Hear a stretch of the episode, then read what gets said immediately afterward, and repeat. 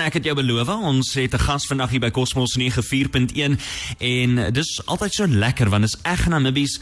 Dis uh letterlik gekweek hier in in Namibië en daarom het ek vir Philippe Talavera genooi om by ons te kom kuier vandag want hulle het 'n spiksplinter nuwe film gemaak en die film se naam is Kapanna. Philippe uh, Welcome to Cosmos 94.1 and thank you for joining us today. Well, thank you and good morning. Philippe, uh, first of all, before we get to the movie Kapana, um, you are not a new voice on Cosmos. We have spoken to you before, but just give us a little bit of background. You have been in Namibia for quite some time.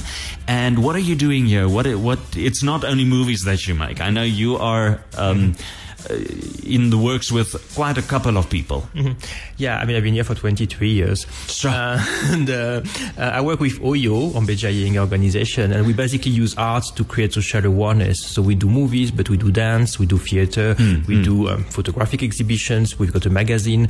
So we use any type of art form to talk about social issues. Ah. And that's the common thing, is that every time we use an art form and we talk about social issues that are happening at the time or that are relevant at the time yes. of the uh, production. Um, we are quite well known for the dance troupe, uh, and most people know what we do through the work we do with dancers. And actually, I like choreographing and I like working mm, with dancers. I've seen some of those dances. Um, it's beautiful. The, but uh, from time to time, we also produce DVDs and movies like Salute, um, mm. Kukuri, uh, Papa and Milk. So we've done quite a few in the last uh, in the last few years. Yes, and there's a new one coming out. We don't know yet because uh, everything is uh, uncertain in this Corona time. But I must say, with that, please go and follow Kapana on Facebook, Kapana Film, and on Instagram because you will post the details there, and you can also follow the journey of the whole production. Let's talk a little bit about Kapana. What is Kapana about? Oh, we don't want to say too much about Kapana before it is released. yes, but, of I mean, course. As, as always, uh, it tackles a social issue, that much Mm-hmm. I can say. Uh, but we wanted to do it a little bit differently. Uh, oftentimes, we've been working with teenagers type of story, at least until Salute. Mm, Uh, and Salute was a much more adult type of movie happening Yes. in correctional facilities. And we enjoyed, for once, working on a more adult story. So we wanted to do another type of adult story. Yes. Um, so Kapana is more of an adult story. Uh, that much I can say. Uh, it's actually like two stories um, in one.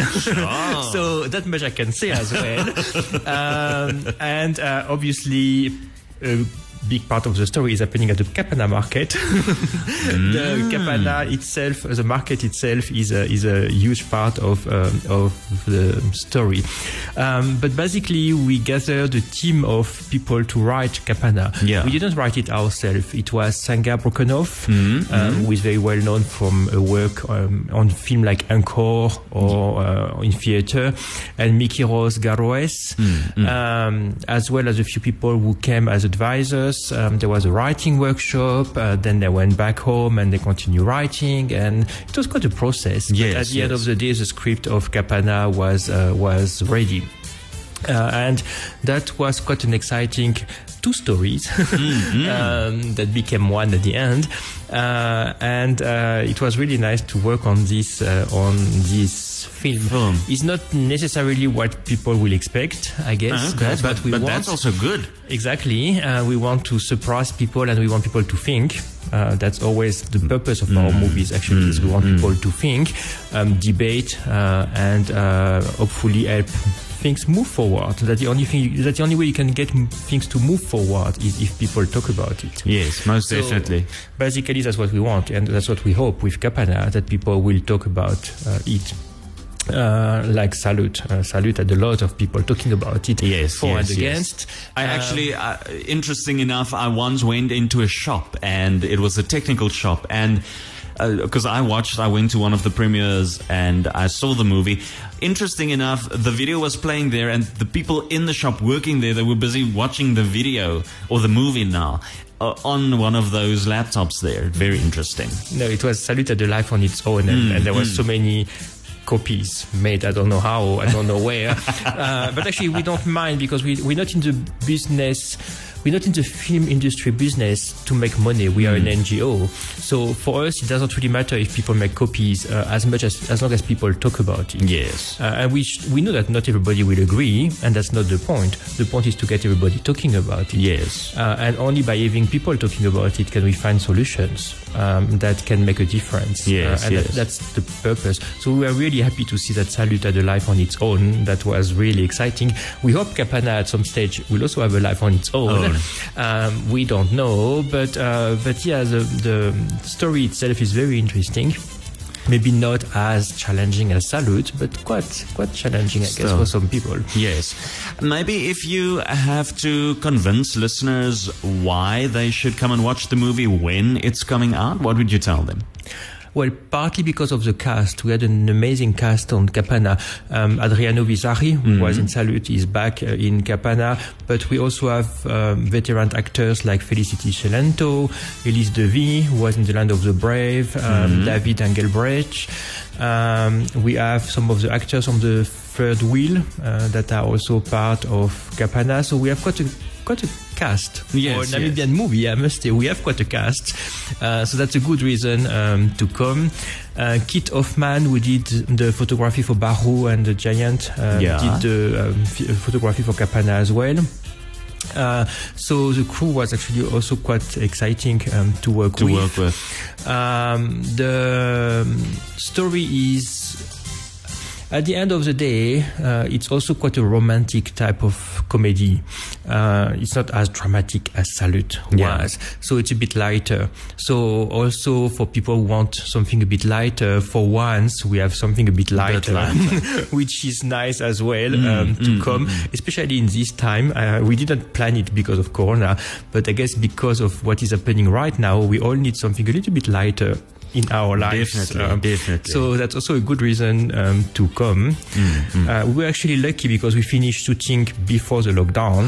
so um, the whole editing, music, post production happened during the lockdown, and I must say they did a good job because it was not so easy. We were all separated and Mm. Oh, all yeah, I can in our imagine. different places. But luckily, those components could happen separately. Mm, I mean, luckily, the editor can work on his own, the music can work on his own. Um, so that was feasible. Not easy, but feasible. yeah. So in a way, we were lucky uh, to uh, to have it uh, happening that way. Um, and uh, I guess, yeah, right now we all need a bit of lightness in our lives and um, talk about love, talk about uh, everyday issues, Yeah, really, yeah. uh, and follow um, stories of people um, that are living in Windhoek, living in Katutura, uh, and um, mingling um, somehow. with each other, local.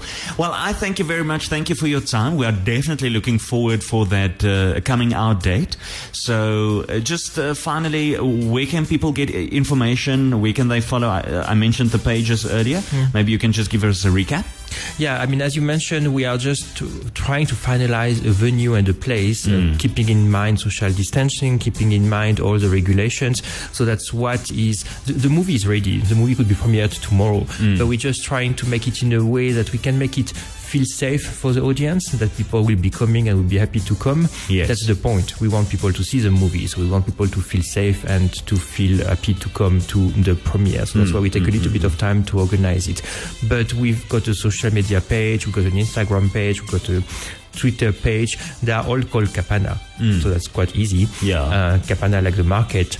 Uh, so if you uh, if you type Kapana, whether it is on Facebook, Instagram, or Twitter, you will find, Find us. it. Um, and we start putting information about the cast, the crew, the behind the scenes.